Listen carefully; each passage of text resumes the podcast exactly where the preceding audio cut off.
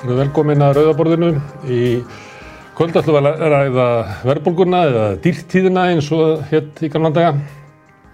Vextir voru hækkaður um heilt uh, prósent, prósentur stíg eða hvernig sem að menn orða það í dag og vextir á, stýrivextir í selabákanum eru komnir yfir 3% á Íslandi. Uh, þetta eru ímsar afleðingar fyrir samfélagið og það má líka veltaði fyrir sér hvort að þetta hafi tilætlaðan til, tilgágrið náist að, að, að það sé hægt að kveða niður verðbólguna með vaksta hækkun á Íslandi. Til þess að ræða þetta eru komin hingað uh, hagfræðingar úr verkefnisefingunni, það er Róbert Faresveit, hann er hagfræðingur ASI, Sigurður Ingi-Björg Ingadóttir, hún er hagfræðingur BSB og Viljámur Hilmarsson er hagfræðingur BHM og svo er hérna líka Sigurður Jóhannesson, hann er fórstuðumæður hagfræðistofnunar og mun hafa verið hagfræðingur BSB fyrir langa, langa, langu síðan. Herðu, en ég ætla nú að spyrja hérna reyna átt að með á þessu og, og hérna, ef ég má byrja á því að spyrja bara þig Sigurður, hérna, hvaðan kemur þessi verðbólka sem að við erum að kljóstu við? Já, hún kemur nú, sínst mér, úr bara öllum mögulegum áttum, en hafa hérna, miðuð við að, sko, það var náttúrulega þessi pest sem var, var hérna út um allan heim og, og hérna held, held aftur af öllum en voru reynað svona setja, ég veit ekki hvað, bensín á vélina eða, eða hvað hann var. En e, svo hefur hún e, líklega bara já, menn hafa misreiknað kannski svolítið hvað, hvað vélin var svo fljóta að, að taka við sér þegar, þegar hérna og hvað e, hérna þegar hérna hún fór svo í gang og hérna þá var kannski bara ómikil ég veit ekki hvað hvað sé ómikil brennsluefni fyrir hendi. Þannig að hérna út um allan heim þá hefur, hefur verðbólka aukist og hún er ekki öll sko innflutt þessi verðbólka hérna. Hún er líka okkur að kenna en við má, má kannski segja okkur til eða okkar stjórnendum til hérna afsökunar að, að hérna, það hafa fleiri misegna sig. Já, er það þá rétt skilja á mér að það kemur hérna faraldur og það þarf að breyðast við út af árum hans á hérna samfélagið og það er pump, pumpað út alls konar aðgerðum svo þegar hérna faraldur fyrir niður, uh, hakir fyrir gang aftur og þá kemur í ljós að það er eiginlega of svona mikið, hvað við segja, helium í blöðrunni. Er það Já, það, það er svona minn, þannig skil, skil ég það sko og, og það, er, það er bæði halli á ríkisjóði mikil eða hinn og ofnbæra var einbjörður að 10% af, af hérna, tekjum í fyrra og nú eitthvað mingandi en er samt sko ríkið er ennþá að dæla meira út í hagkerfið heldur en það tekur inn í sköttum. Og þrátt fyrir þessa nýju vakstahækun þá, þá erum við ennþá langt undir verðbólkunni, við erum hérna, hvað, fjórum bróstum undir eða þrem fjórum bróstum undir verðbólkunni, það er ennþá sko, neikvæði raunvöxtir sem selabankavöxtinir, þeir eru ennþá að þannig séð að, að íta undir, undir hérna fenslum með, með hérna, peningapólitíkinni þó að mm. vextir hafa hækkað Og það er staðan út um allan heim, það eru víða svipuverðbólgu hér og stýrivestir enn lægri. Sigurður Ingebjörg, má ég spyrja þig, myndur þú skýra verðbólguna, hvaða verðbólga kemur með sama hættu og Sigurður? Já, eða sko, ég er ekkit ósamálum, ég myndi samt bæta við, myndi segja sko, það var við þetta settir hér upp, þess að fjármennir út í hagkerfið, en uh, verðbólgan hér hefur náttúrulega fyrst og fremst verið drefin áfram af hækkun á húsnæði og þa það sem að gerist er þegar það eru lakkaðir vextir svona mikið eins og gert var þá verður fjármagn ódýrt og auðveldara að fjárfesta í húsnæði eða endur fjármagna sig og hafa þó meira fyrir umleikis. Og það jógst, það var verið, það var margir að koma nýjir inn á markaðinn og það er náttúrulega fólk sem maður hefur áhugjur af í dag. Og svo voru líka svona breytast eftirspurnina því að fólk var mikið heima hjá sér, fór að hugsa ég vil nú kannski færi starra húsnæði eða öðruvísu húsnæði þannig að það var gríðarlega eftirspurn eftir húsnæði, húsnæði hefur rókið upp í verði en það náttúrulega er það yfirleitt sko aðgangurinn að fjár, eða sko verðið á fjármagnisinn til skamstíma hefur áhrif á húsnæðisverð. Að það er mjög mikilvæg þáttur. Og svo er það náttúrulega svo er eitthvað svona önnur verðbólka innanlands og svo vorum við náttúrulega áður en að stríðið brýst út þá er allar sko framleiðslu keðjur og, og svona virðiskeðjur, framleiðslan það er verið að loka vesmiðum hér og þar þannig að það er ekki hægt að framleiða vörur, tekur lengri tíma þannig að það verður hérna frambóði minn en eftirspurnin og svo voru líka allskins vandræði með gámaskip það voru fluttningsleiðir, það var mikið ungþveiti sem að er eiginlega ekki alveg búið að greiða úr ennþá. Þannig að það var þetta ástand og síðan bætist við Úkrænustríðið með, á, með auðvitað áhrifum bæði á orkuverð og matalaverð og svona hefur áhrif á vendinga líka. Þannig að, og svo var náttúrulega aukast kaupmáttur mikið hér á landi þannig að það var mikil geta til enganislu. Þannig að mm. ég held að þetta séu svona samverka til þetta en húsnæðisliðurinn er gríðarlega mikilvægur í þessu. Mm. Það er sérmaður að það sem drýfu verbulguna núna er húsnæðisliðurinn, það eru matvæli og þá sérstaklega innlend matvæli og svo hérna, nei, hérna farþegaflutningar í flugi.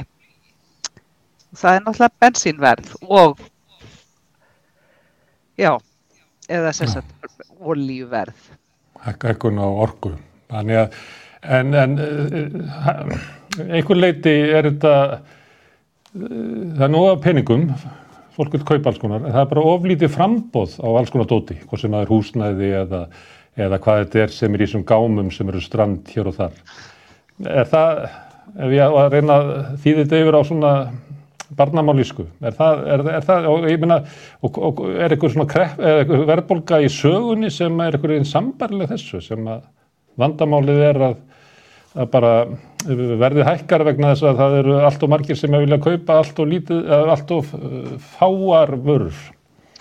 Það er nú svona, það var nú í upphafi verið að líka þessu við setna stríð þegar það var verið að dæla hérna, þú veist þegar ástandunum þannig kringum það tímabil en þetta er líka einmitt eins og oljukreppan á áttunda áratögnum og svona þá var e, það er svona kannski hafði verið á, rétt áður en hún skellur á þá hafði verið svona þenslu kveitjandi aðgerðir út af efnaðarsamdrætti og svo kom oljukreppan mm.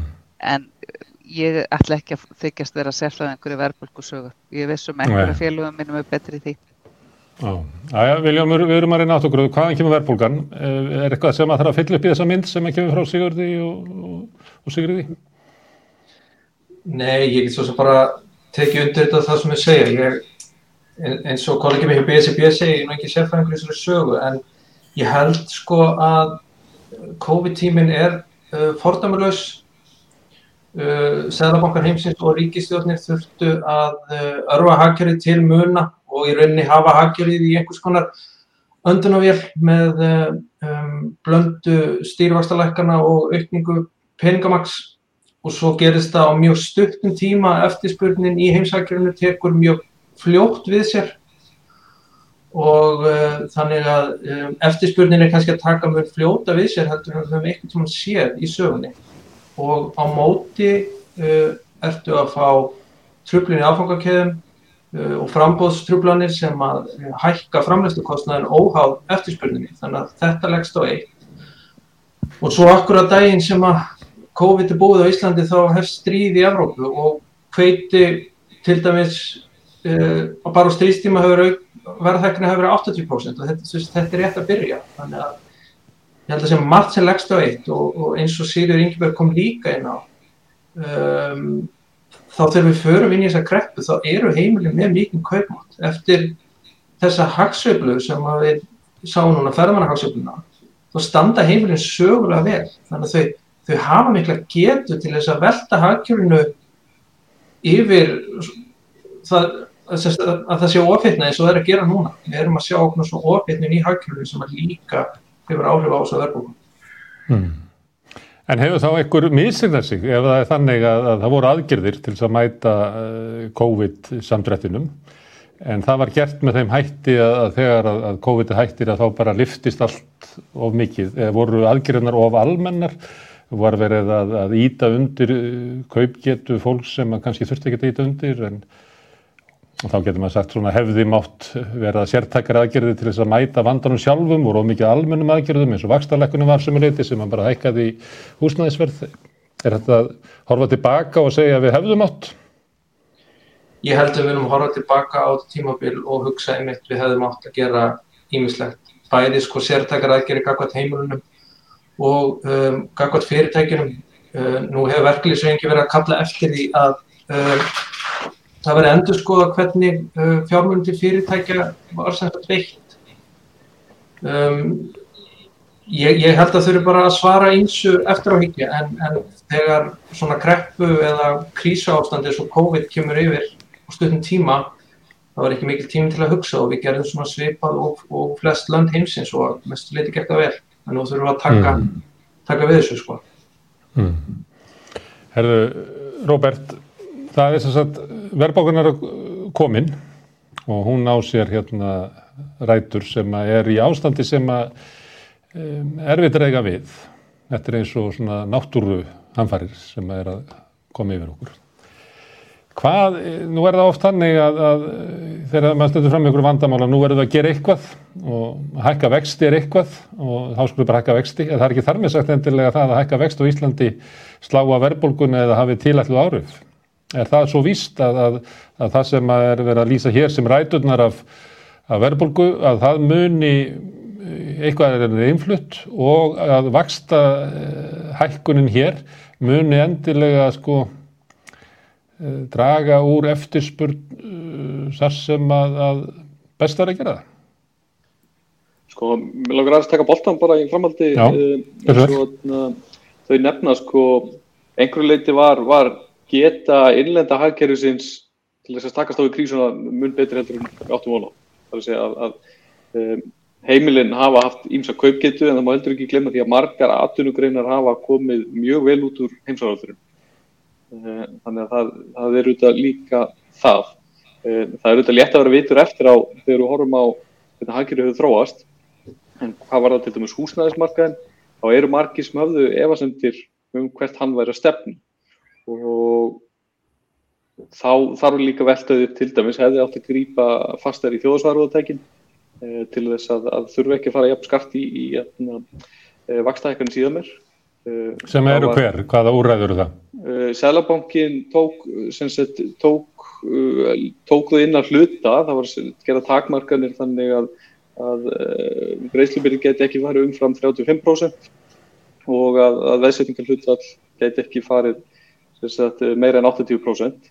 Það var mjög seint er það ekki, þá var það búið að geisa bóla húsnæðismarkaði í svona eitt og allt ár þegar þessar aðgerði komið ekki þessar aðgerði sjálfsögur voru ekkert strángari heldur en greiðslumöld bankana þannig að þau höfðu mm. ekki og það var fyrir sig að þau myndi ekki að stífa áhrif.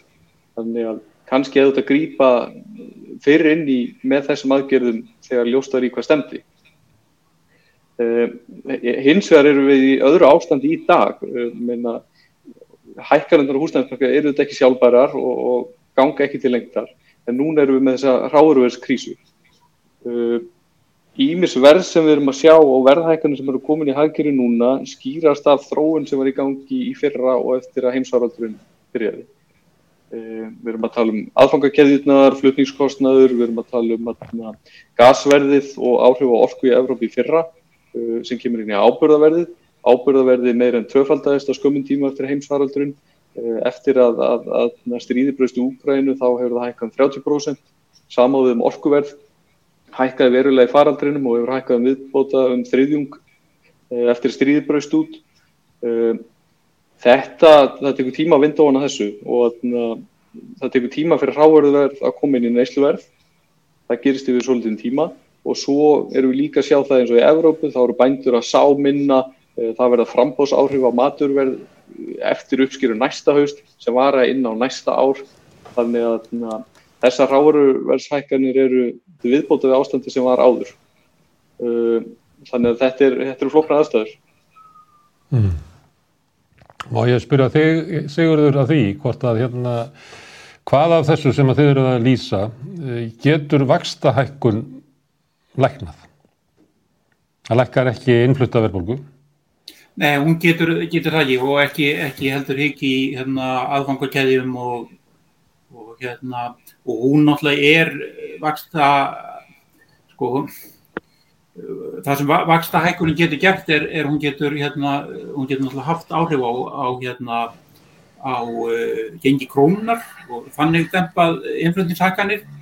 En uh, hún uh, hérna það sem ég myndi hafa mestar áhyggjur af núna hérna heima er nú bara ástand á vinnumarkaðinu sem er á er á söðu punkti og er, er kannski ekkert slæmt í huga hérna verkalýslefingarinnar en, en það er það er hérna þar, þar er svona brennsluefni fyrir fyrir verðbólku Hvað mennar þú söðupunktum? Það er til dæra lítið aðdurleysi í sögulúljósi. Það er er eðlilegt að, að verð, fyrir, verð fyrir vinnu hækki þá, sambóð eftir spil. Já, já, akkurat, akkurat. Og það, það er hérna, það kom nú fram í hjá honum hérna, Þórarni í morgun hjá Sælabankanum að að núna verið 45% fyrirtækja sem segðust uh, þurfa að bæta við þessi fólki og uh, mm. þetta væri hæsta hlutall sem hefði mælst síðan 2007 og, uh, og þá það þá ennþá herra heldur en það var 2016-17 þegar það var mest sko læti hérna á vinnumarkanum út af, út af uh, hérna, ferðamannabólunni. Og uh, þannig að uh, sko það er held ég svona frekar sko að því að nú er, eru selabankastjórnendur og, og fleiri að tala um að nú fyrir verkefælsefingin að, að, að sína ábyrð og hún ánáttúrulega alltaf að gera það en það er erfitt að byggja hana um að stilla kauphækkunum í hóf þegar það virðist vera hægt að að því að núna eru kjærsamlingar að losna hún í höst að hérna það verður erfitt að, að byggja og menn um að um, hafa, skil, hafa hérna, byggja um uh, litla hækkun lámarslauna þegar það virðist þeirra hægt að hækka lægstu laun töluvert án þess að stopna atvinnu mikið í hættu. Þannig að mm. þannig sé verið þeirra bara ágæðis færi fyrir, fyrir hérna fyrir uh, sko kaupkröfur og, og, og svoleiðis og það, við vitum það til lengta lætur þegar, þegar allir hugsa þannig þá hérna þá uh, við heldur það verðbólkunni en það er, það er væri samt sko í mínum huga ef ég var í verkalýsfóringi núna þá ég myndi hafa áhugjur af atvinna ástandinu, jú ég hef náttúrulega áhugjur af verðbólkunni en, en fyrst og fremst hef ég áhugjur af því hvort að hvernig mínu fólki reyðir af ef ég byggðum hérna hækkun lagstu launa því segja ég sé uh, hérna verkamanna fóringi þá, þá myndi ég til dæru óhrættur gera það núna Hmm. En eh, sko ef að, þannig að, að það sé lítið aðtunleysi og mikil eh, umfram eftirspurn eftir vinnuafli að þá munur laun hækka hérna. Það sem hefur verið að semja um eru svona viðmunar laun einhversar annar staðar. Þannig að það sem að selabokastjóri og fleiri er að byggja um er að sko skráð laun séu hafur lág en svo heldur hitt bara áfram sko. Eða er hugmyndið svo að hækka vexti svo mikið að, að eftirspurn fyrirtækjana eftir vinnuafli slökni. Þannig að bara fyrirtækin hætti allir fjárfestingu. Er það planið?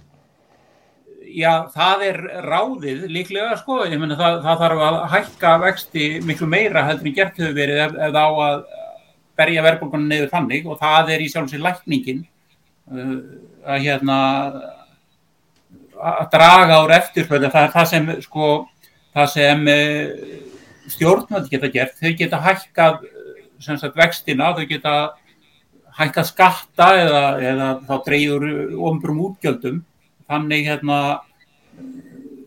svona dreyið úr þessu reynda að draga brennslu efnið fyrir verðbólkuna út. Það er það sem þau geta gert. Ég, ég er svona leið mér eiginlega fullir af það eins og það er að, að svona einhver, einhver ákallum til fyrirtækja og, og löndþega um að, að sína hóf það verður ekki hlustað á það það, það er ekki árum Nei, en það kannski ekki þetta ætlast til þess að, verkefnisreifingin síni hóf í launakröfum meðan að það er sko, hagkerfið er á fullri, fullu flugi áfram til þess að vera ekki með ofháar kröfur sem að gætu leitt til þess að spóla myndi springa einhver tíman í framtíðinu. Það er svona, það hljómar ekki. Ég veit ekki alveg sko, ég hérna, það kom nú fram það í spjalli þarna áðan að ég vann endur fyrir löngu með hérna hjá verkalýsreifunni ég svona, man eftir því hvernig mér fannst verkalýsleituðanir hugsa. Þeir hugsa um um umbjóðanda sinna og þeir, þeir hafa áhyggjur af verbulgu vissulega en, en þeir hafa líka áhyggjur af atunuleysi og hérna Já, ég, ég held að það er bara væri ekki sérstaklega, skinsalega hegðun hjá, hjá verkalýsleitu að, að vera sérstaklega hófsamur í, í kröfu núna, bara eins og ástandið er. Já, Sigurður Ingebjörg, þetta er þraut fyrir ykkur, hérna, hagfræðingana í, í verkalýsleikunni. Annars vegar er uh, hægt á því að, að kaupmáttur launa brennu upp í verðbólgunni og hins vegar er hægt á því að, að uh, aukin verðbólga og eitthvað svona bóla muni springa og það muni leiða til aturleysis. Hvað, hvað ráðleikur þú þínum formanni að horfa á? Ég vil kannski byrja á því að segja, þú veist, þegar verkefliðsreifingin fer í kjara viðræður, varðan til launaliðin, þá er náttúrulega verið að hugsa um í fyrsta lagi að verja kaupmáttinn. Svo er, uh, hefur verið mikil áhersla á að hækka lagstu laun og svo er það að tryggja launafólki eh, réttmæta hlutild í verðmætasköpuninni. Og sko við erum með þetta alvarlega ástand núna og þetta er alvarlegt ástand. Það er bara svo, maður er búin að gleima verðbólkutíman um daldi við byggum svo ágætt ástand núna í, frá því eftir hrun það hefur verið tilturlega það hefur bara verið svona mjög þægileg verðbólka en það er, það vill enginn búa við viðvarandi verðbólku það vill enginn búa við viðvarandi verðbólku ástand mm. og, og sko, ég, ég ætla bara svona smá gríns þegar ég var að byrja að fylgjast með svona fréttum og svona þegar ég var um, kannski tíu ára aldur í eftir 1980 þá held ég að pólitík fjallaði bara um vísitölur. Því að stjórnmála leðtöðar töluðu ekki um neitt nema vísitölu nesluvers og svo launa vísitölu og hvað vísitölunar hinnar héttu þá. En en sko í ástandinu núna það sem er náttúrulega sko, svo mikilvægt er uh, það verða allir að taka ábyrð og þá verður það að fara yfir sko, hver er, það er sælabanki það er ríkisjóður það er fyrirtækin og það er launafólk. Og uh, sko ég held að ég myndi hvetja formann ég held að ég myndi hvetja forman uh, BSB til þess að uh, viðsemjendur okkar eru hefð ofinbera nú þarf, allir, nú þarf fólk að fara að leggja spilin á borðið. Hvað er hægt að leggja í púkið hvað getur hver og einn gert til þess að við í saminningu getum komið okkur út úr þessu ástandi? En ég minna í BSRB er eh, mikið af til dæmis lálaunakonum hjá sveitafélagunum, lálaunakonum hjá ríkinu og, svo er náttúrulega fjöld, fjöldin allir að köllum en ég menna 75% okkar fólks eru konur og margar þeirra í lálaunastörfum.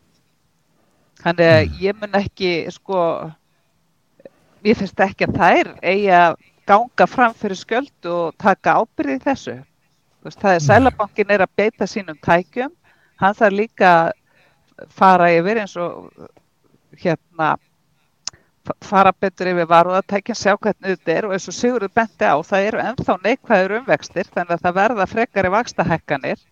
Ríkisjóður þarf að fara yfir það hvernig hann hefur vannrægt tilfæslukerfin sem eru með, mun, með svona e, lélugum til, eða þú veist, þegar þú ert ekki að tryggja að tilfæslukerfin þín séu sannlega að flytja fjármunni þánga sem þeir eiga að fara e, þá getur þú ekki búist því öðru en að fólk verja sig þá með sko þeimun herri launakröfum.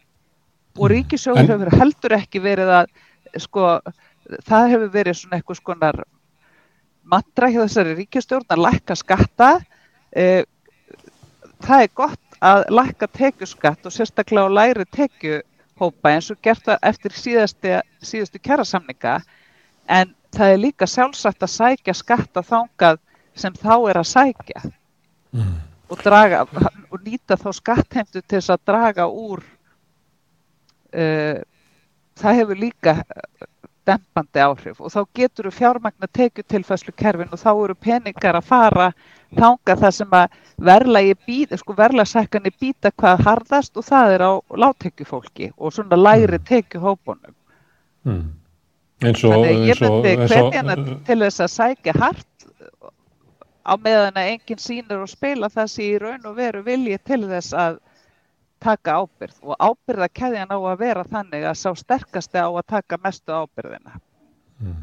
En vaksta hækkanina núna bitna helst á þeim sem hafa minnst eh, umleikist, það eru þeir sem eru nýlega búinir að kaupa eh, húsnæði og skulda mikið á, á breytilegu vöxtum og þetta skerði hraðast þeirra kaupmátt, það er bara hannig. Það er bara, ég, sko, það er verulegt áhugjaefni.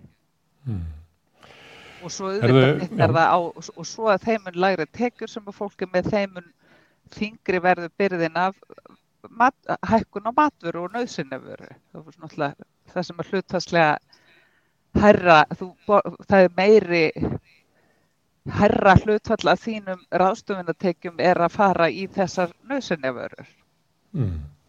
Viljum þetta er, þetta er mikil uh, sigurðulegur áslá þetta, þetta er hérna þetta er mikið vandamál. Eru við á þeim stað að, að og allir þurfa að koma á borðinu, segir Sigurður, eru við á þeim stað að við höfum að vera að hugsa um eitthvað svona eins og uh, þjóðasóttasamningana?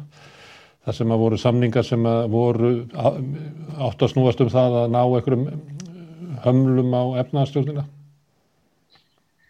Sko ég held að ég geti svarað þessari spurningu uh, fyrst bara í lokársins eða þegar við sjáum aðeins hvernig áhrif Úkræðumstrísins og annar munu hafa á hagþróunina.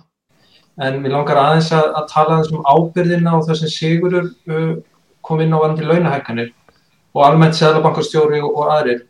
Sko, auðvitað munur launahækkanir umfram ákveðstík hafa verðbólku kvittandi áhrif sem að kemur niður á öllum. En það gleymist alltaf þessari umræðu að fyrirtækinn bera líka ábyrð á verðlægi með þeirri álagningu sem við skamta sér og með þeirri ávastunarkröfu sem við geta líka skamta sér í krafti fákjöfn og annað. Það væri mjög frískandi ef hagstofnræðarlar hérna myndur koma og segja við fyrirtækin, þið berir líka ábyrð, ekki hækka verð. Það er ekki alltaf hægt að segja við launþegana, nei þið geti ekki farið fram á því skamtið ykkur starri hlut.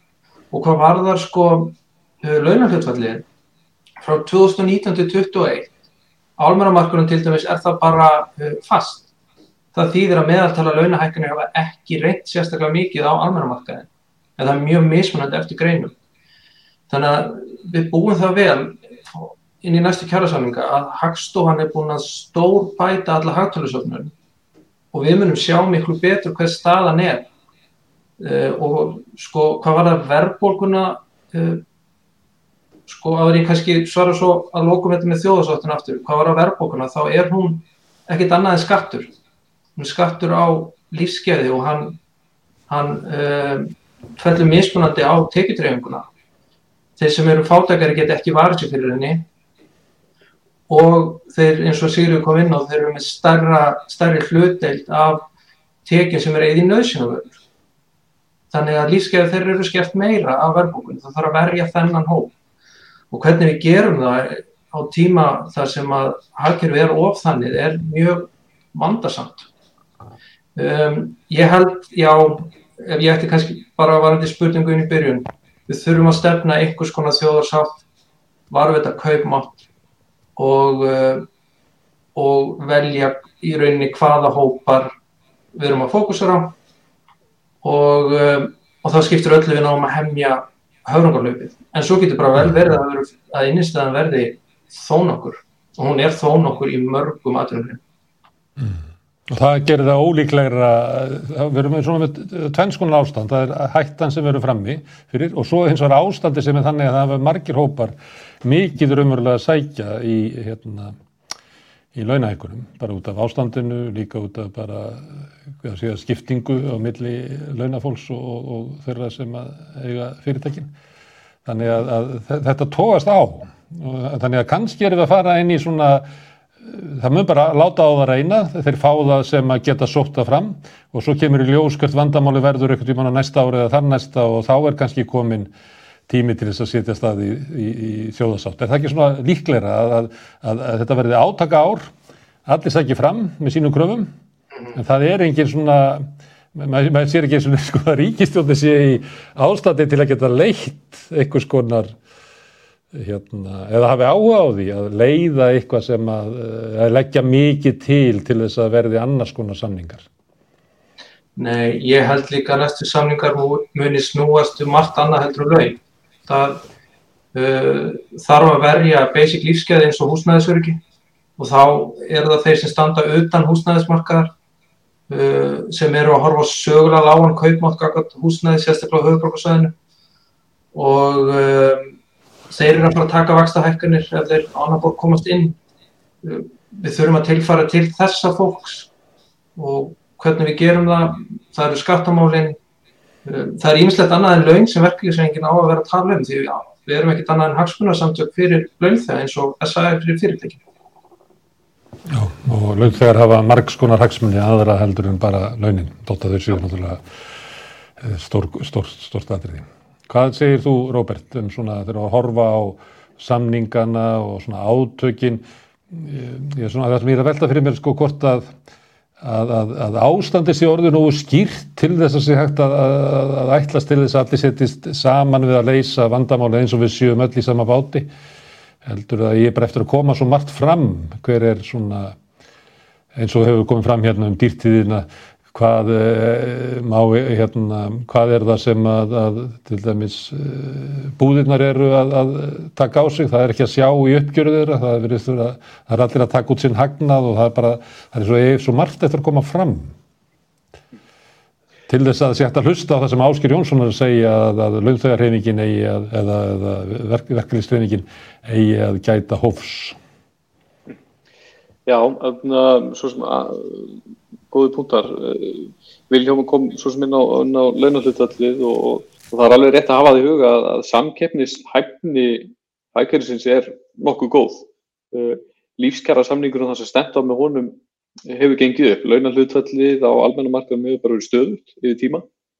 Eh, við hefum séð það eins og þið nefnið að náðan varðandi laun og þenslu. Að, að, það er svona trendi sem við sjáum á vinnumarkaði að, að ef í svona litlu haggjörnum sem við erum í, ef þenslan er mikil, þá fara launahækkanir fram í launaskriði og, og þetta var trendið á áránum fyrir fjármálarhrunnið þegar, þegar reynt var að dempa þetta með hóflugum launahækkunum en þetta kemur fram á markaði og það er oft þá bara ójafnar í launahækkanir þeir sem er krafti stöðu til að sækja launahækkanir sækja þeir umfram hérna.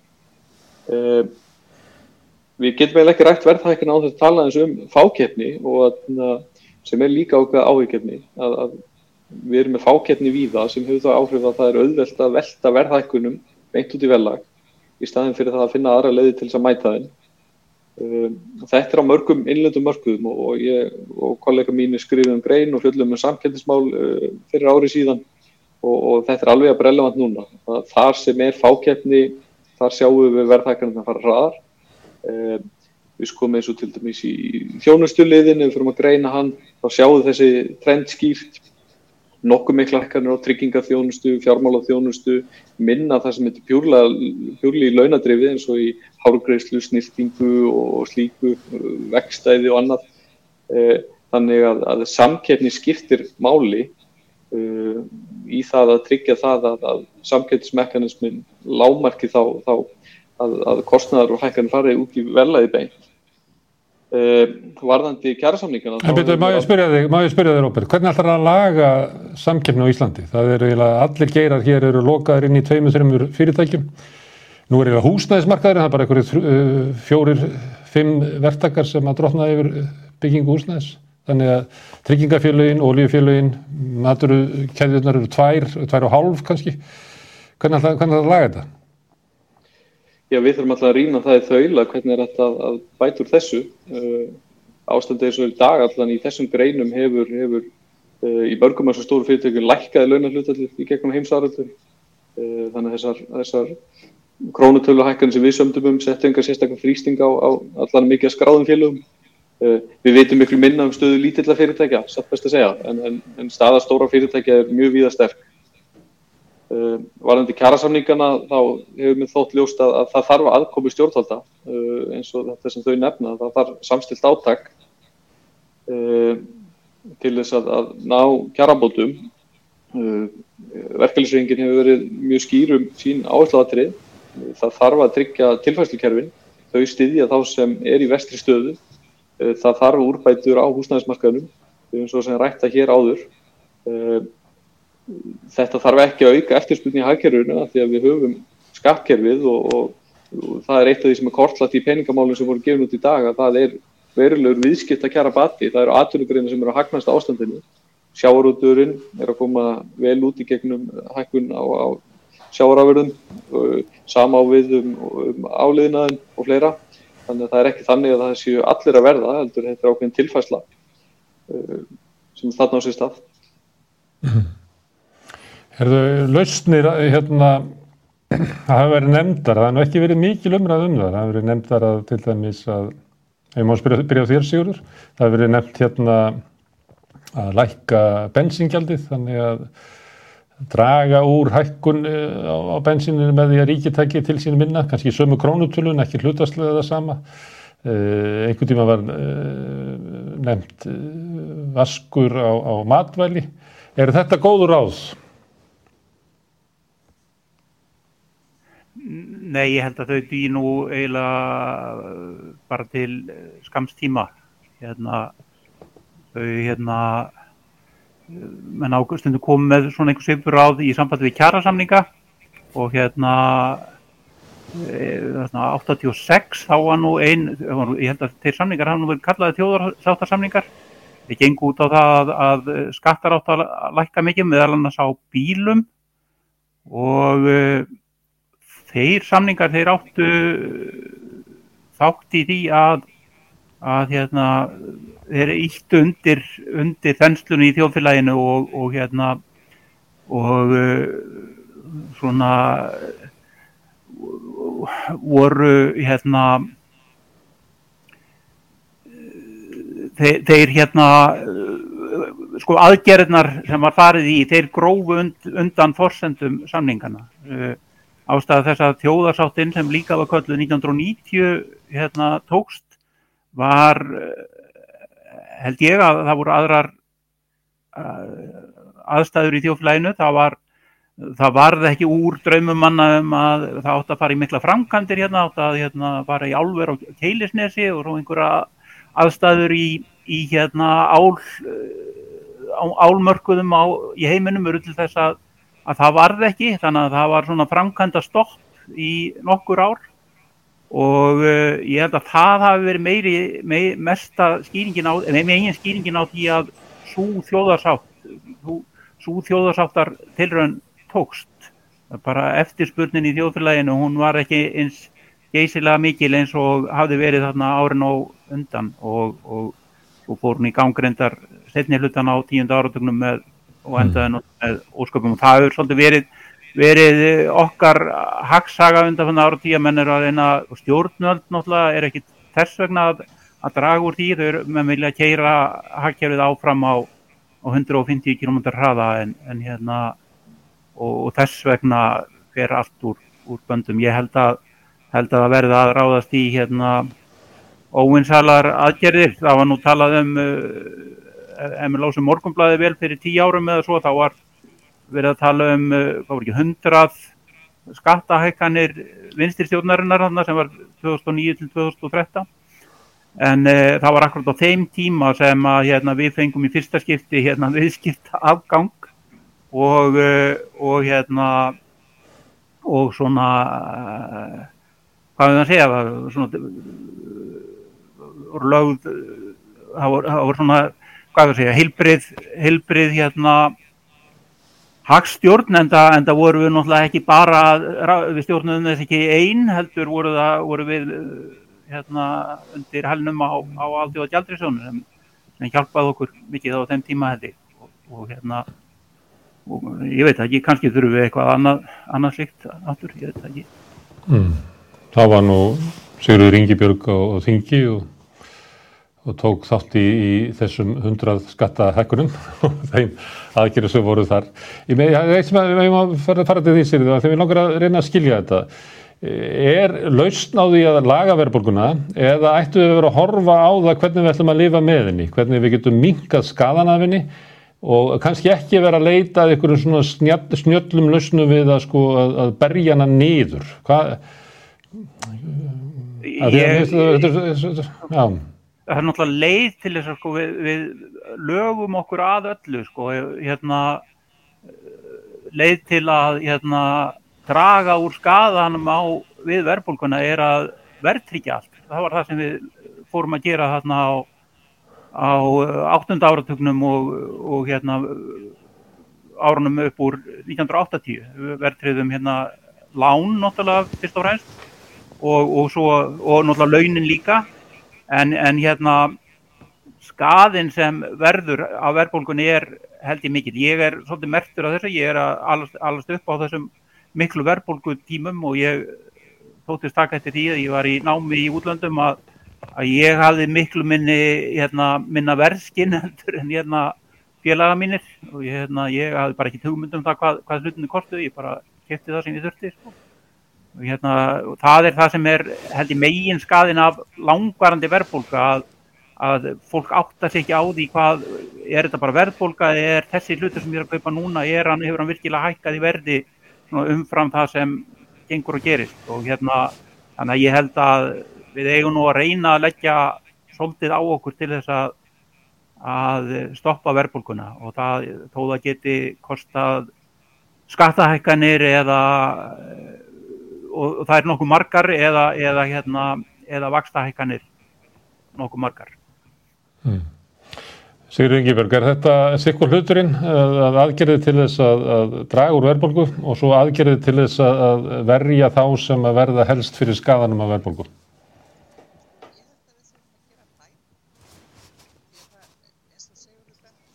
Svo þetta færa aðeins mikrofónu svo heyrum betur? Já, svona. Já, takk, takk. Já, já sko ég meina að það er, það er ekki gott að bú í þegar ástand að það sé mikil verðbólga. Það fer mjög illa með fólk og hagkerfið yfir höfuð en það verður líka að verja þá sem er að verða vestir í barðina þessu af því að þú talaðir um eh, lækkun á sköttum og göldum sem að ég eftir hundrað skattahækkanir, nei, nú vil ég taka fram að mikið að þessu voru ver, verlags upp, það var verið að færa upp til verlags eins og gertir í bandormi með fjárlögum, bensíngjald og hérna áfengisgjald og allt þetta sem að hækkar til samræmis við verðlagsskattheimtan. Viðskip, og viðskiptar áðsessat taldi allt þetta sem að gerist um hver einustu áramót. En við sannlega hækkum skatta því að ríkisjóðu var nær því að vera gæltróta og við reyndum þá líka láta breyðu bökin taka sína ábyrð og ég held að við þurfum að fara það er fjölmart sem að hægt er að gera.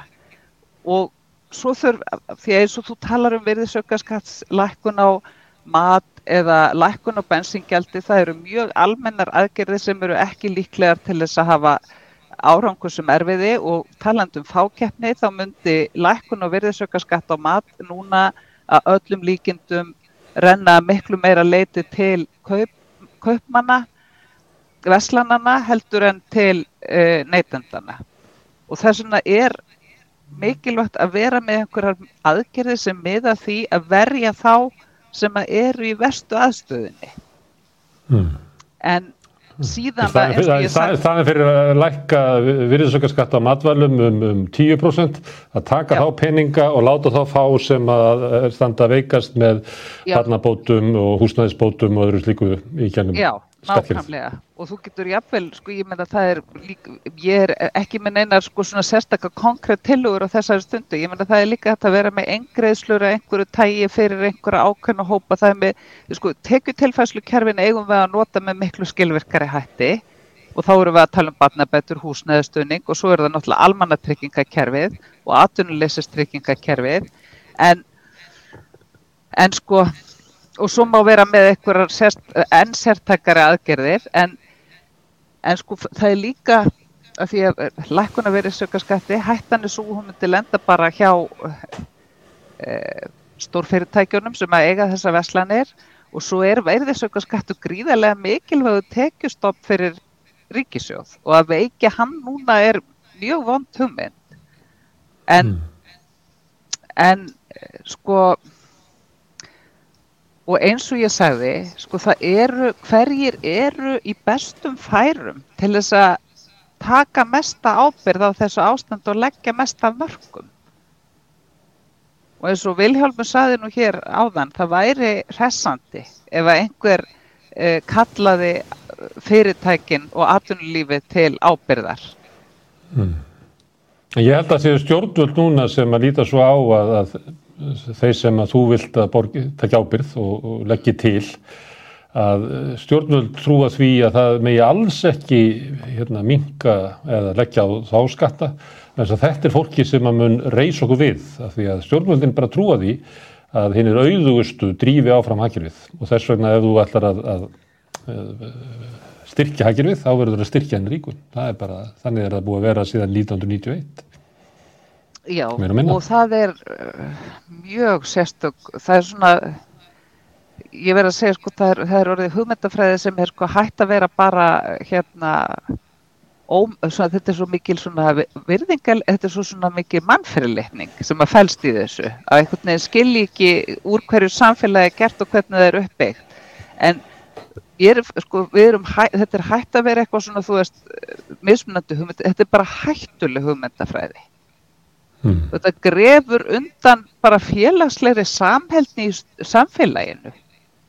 Og við, það, þessi hugmyndafræði er þegar búin að uh, skada okkur mikið sem samfélag. Og eins og við erum að tala um hér, he, þú veist, við, hagkerfið var svo stert og við, við, við komumst í gegnum þetta, heimilin mörg hver standa mjög vel og hefur verið mikið kaupmáttaraukning en við erum með hópa sem setja eftir eða eru í miklu lagari stöð og þetta er ekki ásættanlegt. Við, þetta er svo mikið metnaðarleysi. Mm. og, og þetta, er, þetta eru inflytjendur, þetta eru örorkulíferistegar, það er náttúrulega þó að þessi lítið atvinnuleysi, þá er það samt það er tæplega 5% og það er allverulegt, það er hópur sem er í mjög erferi stöðu mm.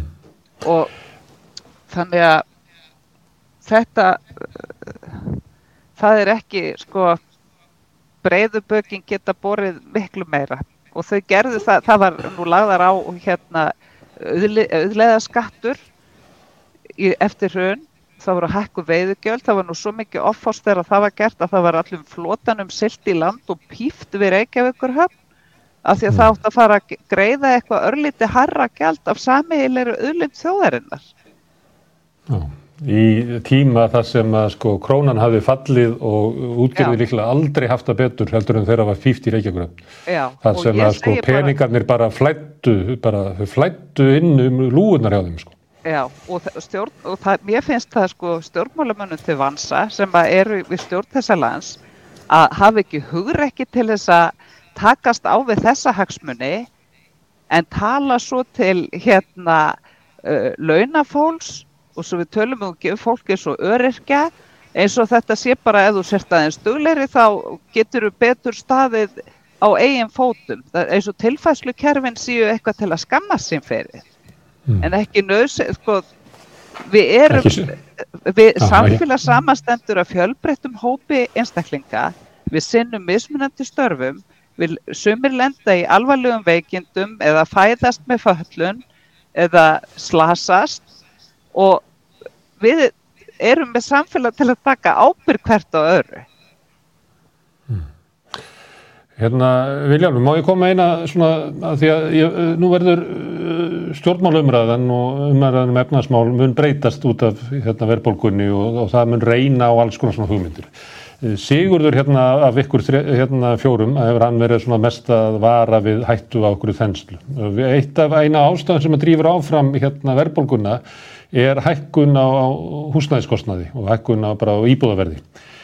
E, og það er vegna þess að vantar íbúðir og, og það er bæði svona efnaðslegt, það er bara vantar íbúðir fyrir þá sem að vilja slekka við sig, það er líka sko tengist hérna lífskjörum þeirra sem er á leikumarkaði að, að það leiðir til hækkunar, þú veist að hafi dreyið úr hækkun uh, húsalegu á COVID-tímanum þegar það var hér fyrra uh, hérna, verka fólk erlendis frá og færri túristar í Airbnb og sliðis, að það má rekna með því að sko leiguverði geti gósið upp ef ekki verður eitthvað aðgert maður myndi í fljótubræði rekna með því að það væri bara snjált að byggja til þess að leysa húsnæðiskreppuna. Nú ættum við að fara í því að byggja eins og eitt breyðolt eða svo til þess að leysa þetta. En svona tónni frá sigur þegar svolítið þannig að við hefum nú heldur að, að, að fara í það að draga úr uh, svona uh, möguleikum að, að vera einhver yfirsnúningur á hagkerfinu sem að einhverja svona aðgerði getur gert.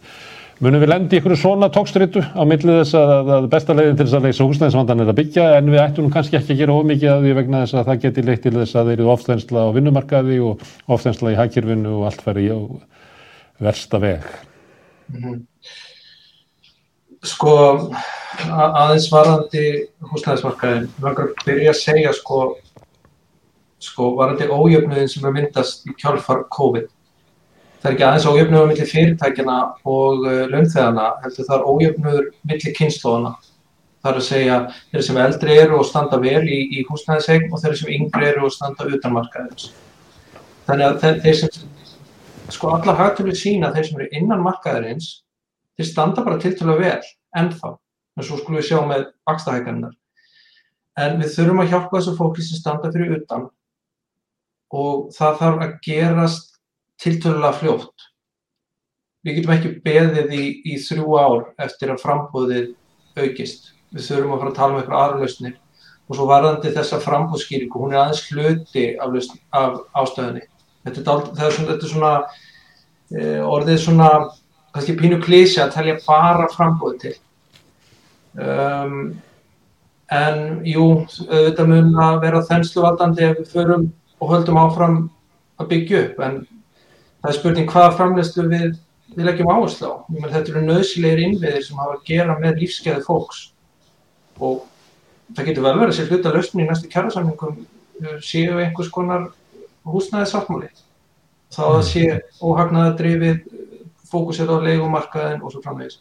En ég vil kannski að lokum leðrið eitt sem ég sagði áðan. Uh, ég sagði að kaupmáttur verið sögulega lágafn húsnæði, það er visslega ekki rétt.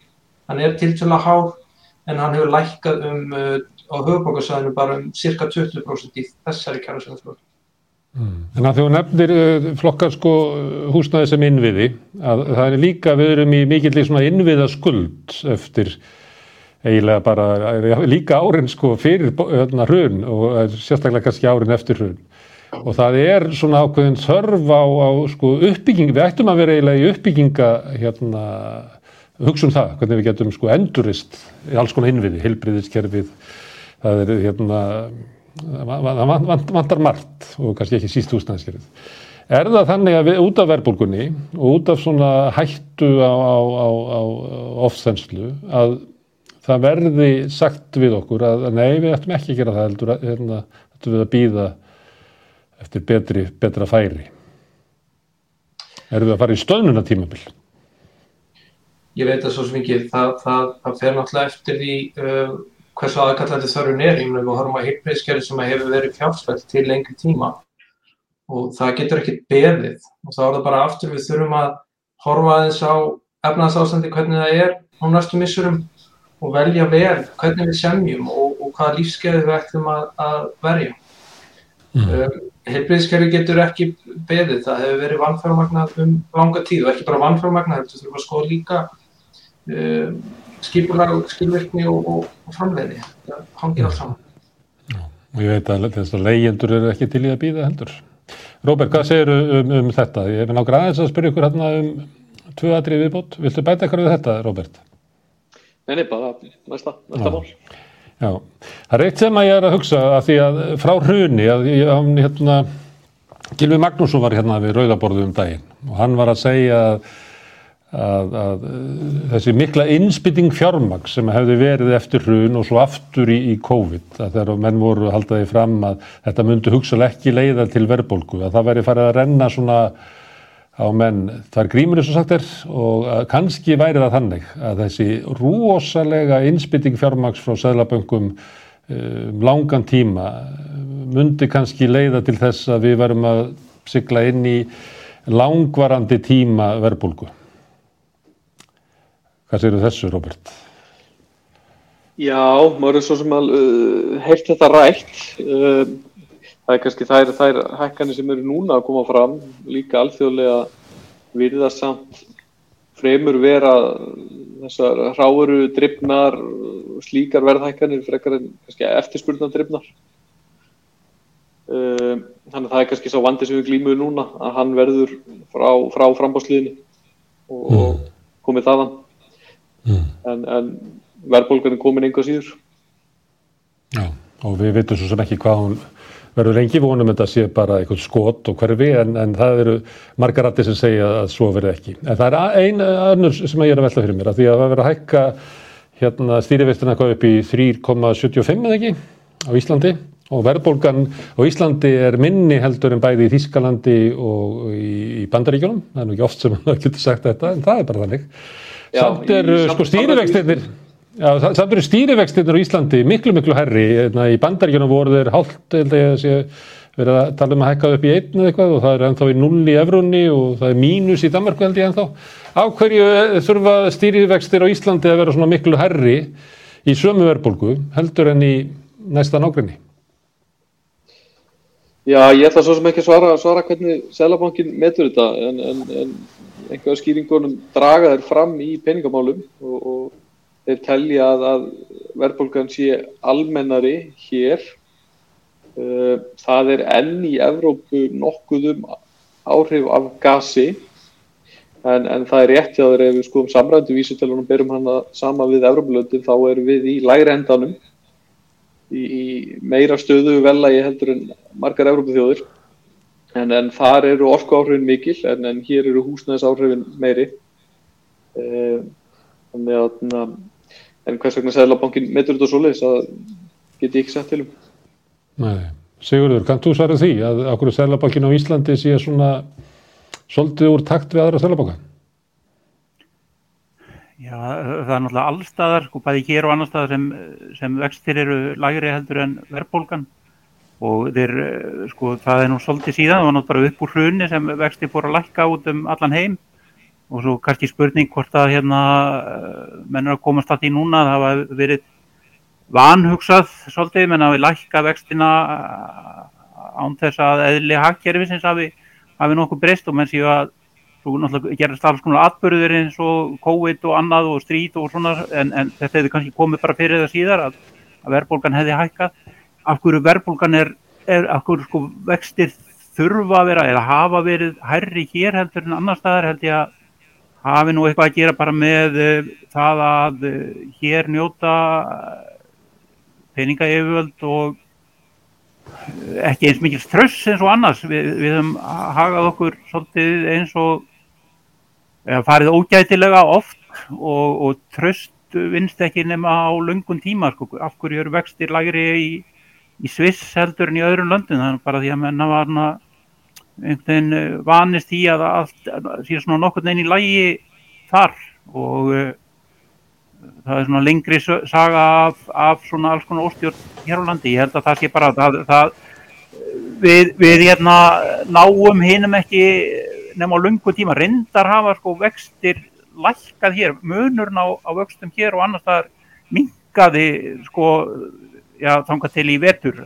Og hérna það var eh, sko hún var byrja sko vexti voru byrjaðið að lækka hratt hér fyrir sko áður en farsóttin kom. Og hérna og það hugsa ég hafi ég held að það hafi verið kannski svona óskikja eins og hefur kannski verið svolítið í öllum heiminum. En ég held að, að það væri bara hægt að lækka vextina þeir væri bara ofháir og myndi, það myndi ekki valda miklu vandræðin svo bara kemur þetta í hausum á mönnum aftur. En mm. ég held að þetta sé en þú segir þetta sé traust og þá myndir maður halda að þetta væri þá okkur svona ákvörðun þetta veri niðurstaða í einhverju svona mati og trösti. Það er ekki, þetta er bara, þetta er einhverjar fimm mannesku sem ákveða þetta og það er myndaðið með tilkynningunni. Þannig að er bara, þetta er bara þeirra mat að það þurfa að hækka vexti og þú nefndir það þegar vextið er lækkuðu og voru komið í samrami við það sem var erlendis og síðan kemur verðbólgan, hún er bara sama á erlendis en hér börjar allt í einu vextinir að hækka miklu meira en annar staðar og það eru bara þessar fimm mannesku sem ákveða þetta, þetta er ekki svona Þetta er ekki eitthvað sem er sótt út í sko efnaðslífið eða þjóðasálinna um tröst á efnaðstjórn. Þetta er bara afstæðis að það fyrir manneskina. Þetta er bara hans stýrt. Þessi umgjörð sem er núna, núna er þetta sem fimm fagmenn sem er að gera þetta, sem er ákveða vextina. Áður voru þetta hérna þrýr bankastjóra sem voru, þannig segja, átt að vera fagmenn en, en voru pólitíkusar og þetta, þetta, þessi umgjörð var sett upp til þess að skapa meira tröst á hagstjóninni og, mm. og hérna ég efast ekki um óðan vilja þessara sko, peningastefnu stjórnar fólks en, en hérna sko kannski það þurfi bara hærri vexti hér af því að það er almennt, ekki ekki bara hjá þessum fimmenningum, heldur að almennt eh, vantröst á, á getur stjórnvalda til þess að ráða við hagstjórnuna hér á landur. Mm. Má ég enda bara stutt hjá ykkur hinnum, er, er það þannig að við hefum bara sett okkur við það að við sem hæri vexti öldur en aðrir?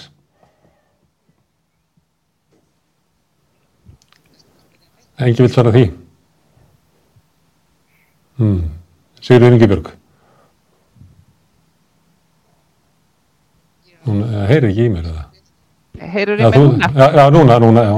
Já, við, það eru þetta óásættanlegt og við finnum það alveg þegar vextir hafa verið til sko lægri núna en oft áður í sögunni að það munar gríðarlega í lífsgæðum og mm. En sko og ég minna að það er náttúrulega marg sem kemur til, ég minna við erum með lítinn gældmiðil, við erum með í miklum utarryggisviðskiptum þannig að gengi krónunar þegar það sveiplast þá hefur það náttúrulega áhrif á verðlag svona í eðlilegu áferði, við erum náttúrulega núna í svona... En, en, en Sigurður, gengið, krónuna sveiplast ekkert meira en bara gengið annara, ég held að sé meiri sveipla á efruðni eitthvað dólar heldur en krónunni sko, þannig að það er ekkert, það er ekkert, það er ekkert að því að verðbólgar er bara sveipuð annar staðar, sveiplur og krónin er bara sveipuð annar staðar, þannig að okkur eru þá vextir hér herri, nú spyr ég bara eins og bann. Já, það hefur náttúrulega sko sögulega séð, þá hefur krónan sveiplast mun meira heldur en evra eða dólar. Já, það er maður að fara svolítið langt aftur, maður að fara aftur fyrir næstu því bara aftur í hrun til þess að finna þann tíma sko. Mm. Viljálmur eða Róbert, viljið þið eh, svara mér? Já, við þurfum að vextir að vera herri hér heldur en í, í annars þar. Sko við erum alltaf lítið hagkerfið að díla við stóra söblur og, og ofta lítið til að hreyfa við öllu, menn að það er oft minnst á laun en við þekkjum það í ákveðnum, ákveðnum geirum þá menna eins og í, í upplýsingartækni geiranum þá þarf ekki annað en eitt fyrirtæki að fá, fá hérna, einhver nýsköpunarstyrk og, og þá er hann búin að þurku mikið af, af forrætturum með fleira og með tilhengandi launaskriði sem dæmi. Uh, það sama er, það verður ekkert auðvilt að bremsa niður á hagkerfið ef ferðarþjónustöfnir gýra sér upp aftur. Vinnuaflsfreg grein og, og fyrir síðan að við fáum uh, verulega fjölda að, að aðfluttu launafólki hingað í hagkerfið á næsta árum með tilhengandi þenslu á húsnæðismarkaði þannig að uh, einhverju leiti þá eru erfitt að díla allt með vakstatækinu þannig að na, kannski þar stjórnvöld líka að, að horfa til fleiri þáttar Já. Viljámur, getur það verið að, að vextir hækka meira hér vegna þess að það er selabokkin eitt sem er að glíma við þetta, að stjórnvöld er ekki að gera neitt? Ég held að stjórnvöld uh, þurfa að spyrja sig erfara spurninga á næstinu hvernig beita skattkjörun og annað til þess að hafa áhrif á hangþróun hérna en sko var þetta okkur vextir eru herri hérna þá bara eins og Róbert og Sigurður kom inn á við erum sveiplukent hagkerfi. Við höfum uh, sveiplast minni mig bara þessar öll þrýsastunum meira enn aðurglöndin við verðumst þurfa einhvern veginn að uh, straffa okkur fastar með öryggisbeltinu uh, niður. Og það er alveg áhugavert sko Eh, hvað vextinnir eru eiginlega ekki að, sérstaklega mikið að býta ennþá á markaði. Ég svo sem kann ekki alveg skýringar á því en, en uh, við virðumst því miður ennþá búa við svona herri jafnvægisvexti en aðra þjóður og vonandi verður það ekki til lengri tíma en það er hættið í að því að við erum eins og laug í vindi, þetta er litla hagkerfi sko. Mm, og svo varandi háa vexti, þá var það nú þannig í áranum fyrir hrun að, að þá söpnuðu Íslindikar að sér alveg óstjórnlega miklu að fjármagni og þöndu hér út alls konar hluti, meðal annars vegna þess að, að kannski voru þeir eins og Sigurður verið að lýsa, þeir sem ólust upp á verðbólgárunum að, að þetta var, þess að voru að stýra fyrirtæknum töldu sig geta að borga miklu miklu herri vexti heldur en okkur aðrir í heiminum. Þannig að það var Íslendingar soga þessi fjármagna á mjög háa vöxtum. Herðu, en ég þakka ykkur kjalla fyrir að koma hérna að, að hjálpa mér til þess að skilja margt sem að tengist tengist eh, verðbólgunni. Það er eh, sumuleiti nýraunveruleiki sem er að koma hérna, sumuleiti eitthvað sem við þekkjum frá gamlum tím, tíma og sumuleiti erum við bara fást við sömu hlutina aftur og aftur sem er nýskipting og skipting gæðana. Róbert, Sigurður, Sigriður og Viljarmur, kæra þakkir, ég þakkar hlustandu fyrir að hafa staldreina við og vonandi fræðist eitthvað um, um verðbólgu og, og breytingar í, í efnaðasmálum. Ég hvet allar til þess að læka þennan þátt og læka síðu samstöðuna bæði á YouTube og Facebook. Þeir sem að vilja styrkja samstöðuna geta gengið í alþjóðfélagi, það er gert með inn á samstöðun.is en uh, ég þakka kærlega fyrir í kvöld og sjáumst á sama tíma annað kvöld.